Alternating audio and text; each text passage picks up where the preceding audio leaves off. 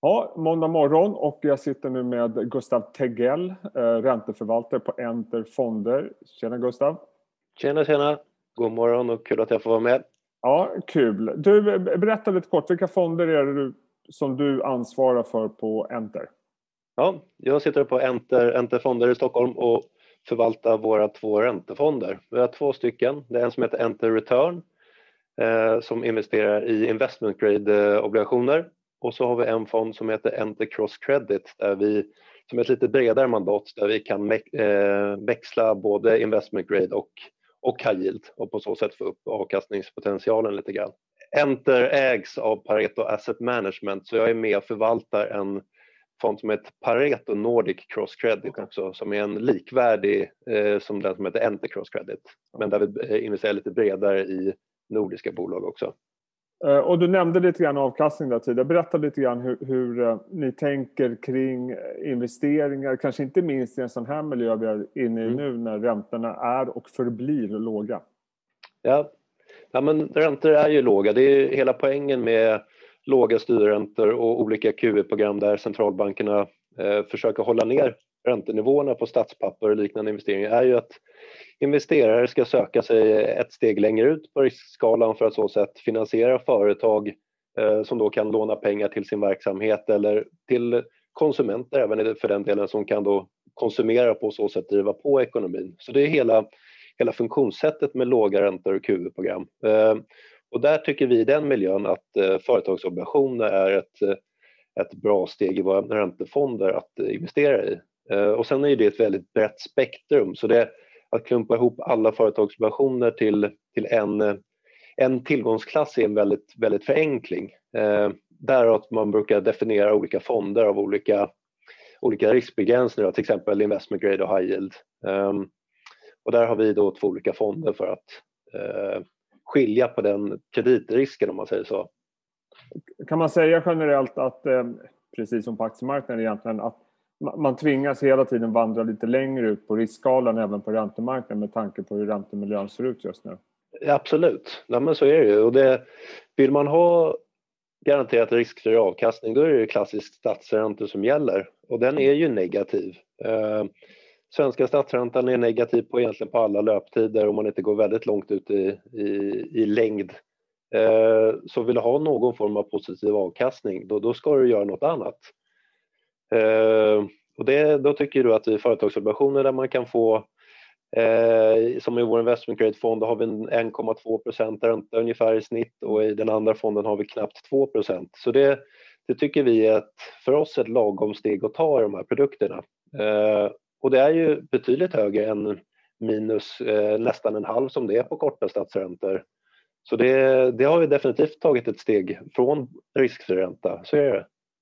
Och, och, måste ändå ta upp det här för att eh, vi kommer komma in på det lite senare också hur, hur liksom marknaden ser ut. Men under den här pandemikrisen, i varje fall i inledningsfasen, så, så var det ju en likviditetsproblem. Vi såg många eh, företagsobligationsfonder mm. som stängde ner i Sverige.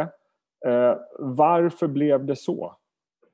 Ja, obligationsmarknaden är ju lite speciell. att eh, All handel sker ju via, eh, via market makers. Det är inte Eh, börsnotering, eh, man handlar inte via en börs. Eh, så aktier ser man ju alltid ett dagligt avslut på och kan då värdera sin fond utifrån senaste kursen. På obligationsmarknaden så handlar vi och värderar våra fonder utifrån de priserna som market maker visar. Då.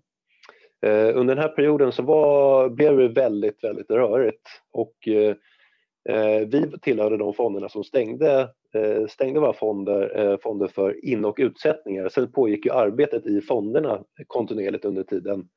Men vi gjorde det för att vi tyckte att de här priserna som marketmakerna visade inte stämde, eller vi, vi, var lite osäkra på om den prisbilden stämde med vad man faktiskt kunde handla obligationerna.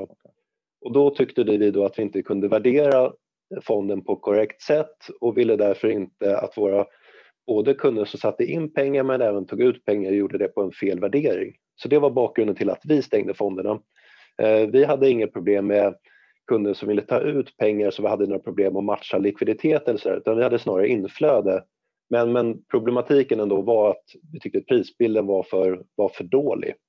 Så vi behövde stänga ner för in och utsättning under ett par dagar för att säkerställa det. Det. det var väldigt rörigt i mars. Det var nog den stökigaste perioden på svensk företagsoperationsmarknad som vi har sett. Eh, det var väldigt, eh, många av de stora fonderna fick ordentligt mycket utflöden så det skapades ett, en skev bild egentligen på utbud och efterfrågan som, som eldades på under en väldigt kort period. Så i slutet på mars där, eller andra halvan på mars, så var det väldigt, väldigt, väldigt stökigt. Eh, så det var begränsad likviditet egentligen inom alla kategorier på, på obligationer. Eh, normalt sett är ju investment grade eh, de traditionella namnen som Volvo, Scania och den där typen av större bolag är väldigt likvida och man kan handla väldigt stora volymer eh, kontinuerligt. Men även de eh, obligationerna var under en period där eh, sämre likviditet i. Eh, så det var något vi inte har sett förut. Och det, eh, att nischade high yield-case är sämre likviditet det tror jag att alla är ganska medvetna om. Men det som var lite nytt här då att hela marknaden blev, lite, blev väldigt fryst under, under en period där. Skulle du säga att marknaden nu är tillbaka, att eh, allting funkar igen helt enkelt? Ja, men det tycker jag. Det är, eh, det, nu funkar det väldigt bra och eh, nästan hela kategorin på marknaden är, är eh, välfungerande. Sen är det såklart enskilda bolag som har vars verksamhet har drabbats av det som händer, som, eh, där obligationerna eh, handlas på ett annat sätt än tidigare. Men det tycker jag är en sund eh, eh återspegling av den ökade risken som händer kanske det specifika bolaget snarare än marknaden. Eh, så marknaden i sig fungerar, fungerar bra nu, eh, både på primärmarknad och sekundärmarknad så, så, så eh, det kommer väldigt många nya bolag till marknaden som gör emissioner som får väldigt, väldigt mycket pengar som vill låna ut pengar till dem. Så hela finansieringsbiten för företagen funkar och handeln och andrahandsmarknaden fungerar bra också. Så det absolut har gått tillbaka till en normal, normal verklighet nu. Om man säger så här, kreditmarknaden, jag misstänker att det är ett ganska bra mått på att mäta återhämtningen i ekonomin. Håller du med för det första? Ja, men det, jag tycker egentligen att aktiemarknaden och kreditmarknaden har, har gått lite hand i hand där. Det har gått mm. eh, sen i, slutet på mars där har, det gått ganska snabbt tillbaka. Det var, det var väldigt osäkert vad världsbilden skulle ta vägen under våren. Men nu i takt med att vi har fått in både makrostatistik men även rapporter och, uppdateringar från bolagen så ser vi att det, det har inte blivit så illa som vi har tänkt oss. Uh, och den konkursvåg och massarbetslöshet som, som man var orolig för mm. uh, har, har definitivt inte, inte införlivats. Eh, så där tycker jag att kreditmarknaden, sen har vi en effekt i kreditmarknaden att obligationer som förfaller ju till pris 100 om, de inte, om inte bolagen går i konkurs eller behöver omstrukturera sig på något sätt. Så där har man en mekanism i obligationer att eh, har priset gått ner under 100 så har man själva prisuppgångseffekten eh, förutsatt att de inte går i konkurs. Då. Men den, den har vi sett, eh, så nu handlar nästan de flesta bolagen har kommit tillbaka till en uh, ungefär nivå som det var innan. Eh, så den extrema kursuppgången som vi har sett i, även i kreditmarknaden eh, har avtagit nu. Så framåt så tror jag att vi, man ska förvänta sig mer ja, stabilare avkastning om man säger så.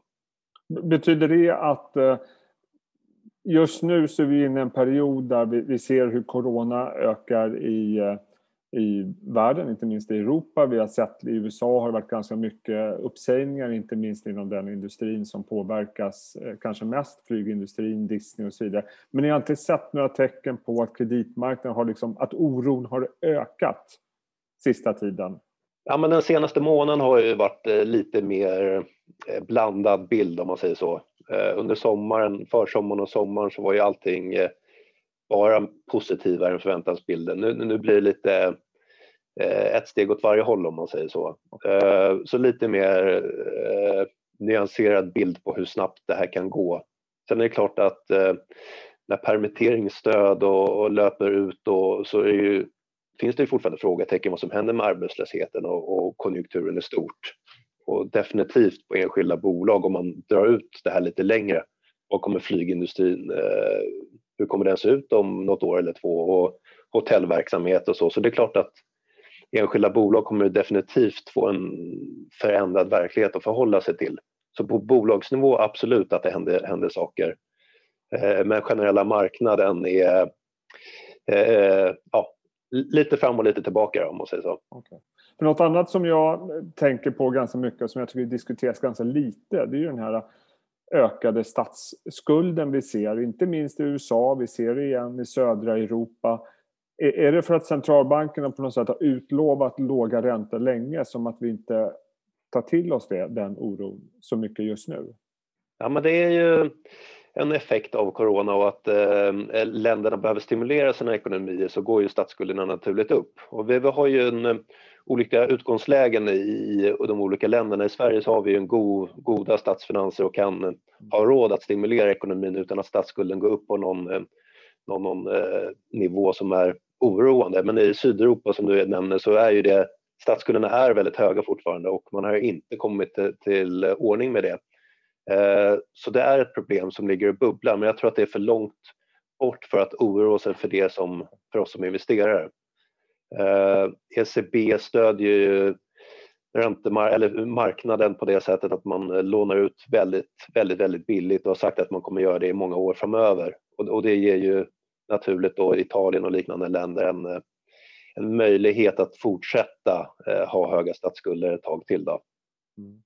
Ja, eh, jag tänkte vi skulle avsluta med att du får nämna några konkreta exempel på investeringar ni har. Och den första är SSAB. Mm.